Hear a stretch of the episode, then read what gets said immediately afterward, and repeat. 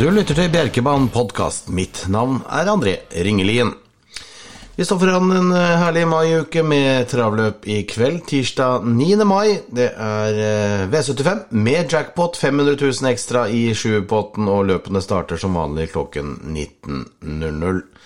For dere som har tenkt dere til Bjerke, restauranten den åpner klokken 18.00. Par spilleluker er oppe.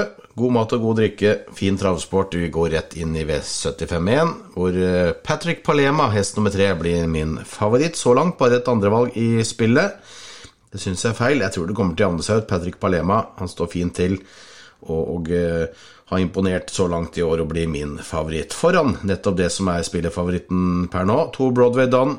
Han er, uh, virker til å være litt mer stabil nå for, uh, for tiden, men helt til jeg stoler på foreløpig tror jeg ikke han er. Ehm, det ligger an til å bli litt kjøring her. Fire Tight Targaryen er rask fra start og vil gjerne til sin yndlingsposisjon tet, og derfra selger han seg dyrt. Og så Hvis det blir for mye kjøring mellom de tre forannevnte, så kan også nummer fem First One Diamond melde seg inn i leken. Så jeg setter tre for, først foran to, fire og fem. Andre avdeling, åpent løp hvor syv bordjenta Ni Madeleine R er eh, Forhåndsfavorittene de står begge to på 20 meter tillegg.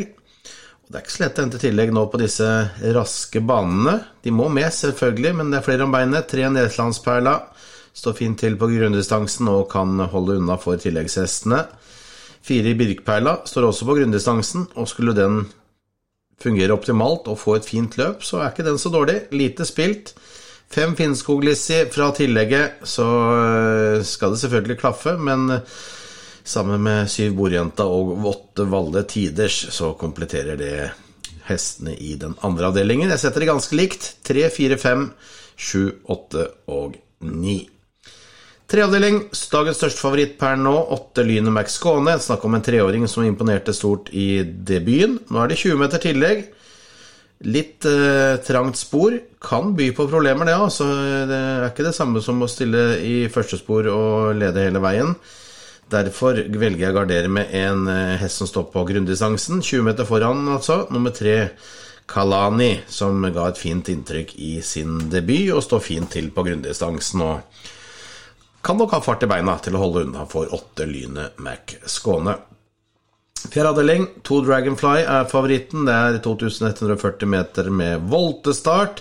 Og Dragonfly står i innerspor på 20 meter. Det er ikke noe fordel for Dragonfly. Han har fått løp i kroppen og gikk hyggelig da, og eh, kan nok ventes forbedret. Velger dog å gardere. Ta med tre andre fra, også fra tillegg. Fem Yara Classic, som eh, går fine løp stort sett hele veien. Tar med nummer syv Illuminati KW, som eh, gjorde en veldig fin debut for for eh, Eller årsdebut var Nei, det var det ikke heller. Starta flere ganger, den. Han gjorde det veldig bra nest sist. Da gikk den veldig bra. Som lite spilt gikk han veldig bra til annen bak eh, Dark Night i langløpet på Sørlandet Travpark 15. april. Det er en god nok hest dersom han går feilfritt.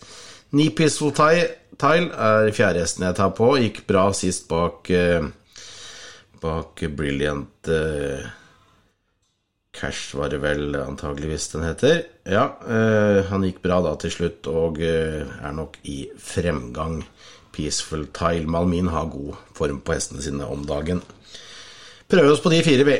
To, fem, sju og ni i fjerde avdeling. Femte avdeling, et åpent løp. Eh, jeg setter to Haugsdronninga først, på form og spor. Distansen kanskje litt Jeg har jo vunnet på 2-1 også. Jeg tror kanskje den er best på sprint, men eh, i hvert fall fin utgangsposisjon og bra form. Ni Kolbuprinsen, bakspor, veldig bra form, men eh, fordel med framspor på Hausdronninga. Seks Vallebrisa, litt øh, galopper i raden i det siste, men hun er god nok på sitt beste. Tre Frøken Stilig. Alexander Sebastian Rishovd han eh, vinner med det meste om dagen. Ta med han også. Frøken Silje er god nok. Åtte Horgfaksen har ikke vunnet så langt i år, men vant til 7 av 14 i fjor og tatt to tredjeplasser nå. Og har fått noen løp i kroppen. Kan nok ventes forbedret fremover, den også.